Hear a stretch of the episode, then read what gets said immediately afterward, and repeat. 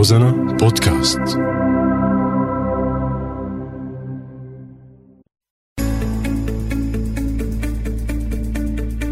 سوريات. كافحوا وبإصرار واجهوا حياتهم ومشاكلها. ليكونوا علامة فارقة. تعالوا نسمع قصصهم وهن عم يحكوا لنا كيف تجاوزوا مصاعبهم وحققوا هالنجاح. سلوى كوربلال من مدينة مارع. أقيم حاليا في أعزاز أعمل مدرسة في ثانوية أعزاز وأيضا مدرسة في معهد إعداد المدرسين آه، وأيضا قائدة فريق آه، المنتدى الفكري السوري بدأت العمل المدني عام 2013 كنت عضوة في لجنة التمكين النسائية.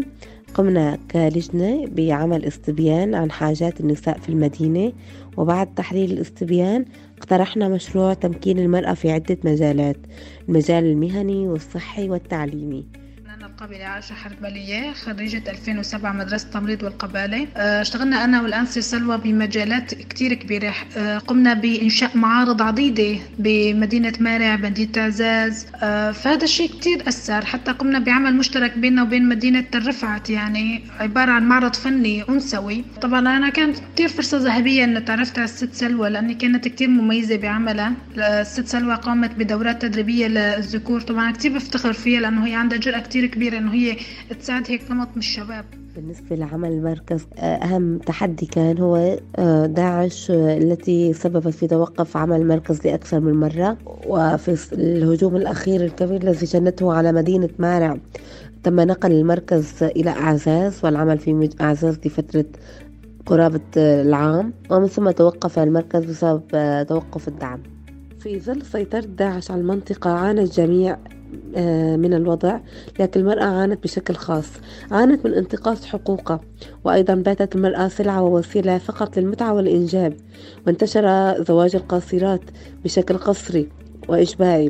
بالنسبة لعملي في معهد إعداد المعلمين بدأت به منذ بداية افتتاح المعهد عام 2014 وما زلت مستمرة إلى الآن في مدينة مارع أدرس مادة النحو والصرف.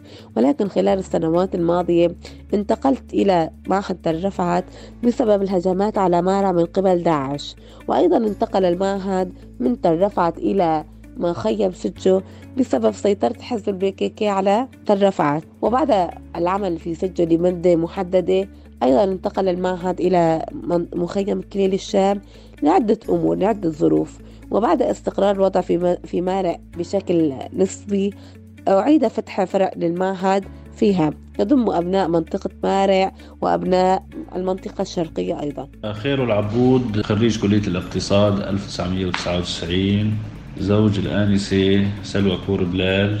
كنت على قناعة أنه المرأة لازم تكون مشاركة في الحياة الاجتماعية العامة. المرأة يجب أن تكون قوية. أنا بشجع المرأة على العمل ويكون لها شخصية قوية. آه، تساهم في منتج محلي تساهم في الدخل العام وقادرة على التصرف في شؤونها العامة وشؤون أسرتها وما تقصر يعني. قطعت تدريبات كثيرة.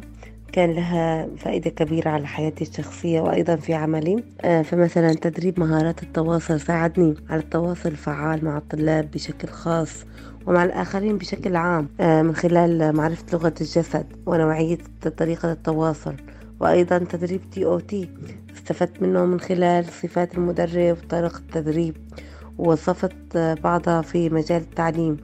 كانت تجربة ناجحة والحمد لله. أخيرا أضيف إلى كلامي أن المرأة هي المخلوق الوحيد الذي يمكنه التغيير. فإذا صلحت المرأة صلح المجتمع بأكمله. تابعونا بكل حلقة. قصة نجاح جديدة بتخلينا نتعرف على سوريا من خلالها.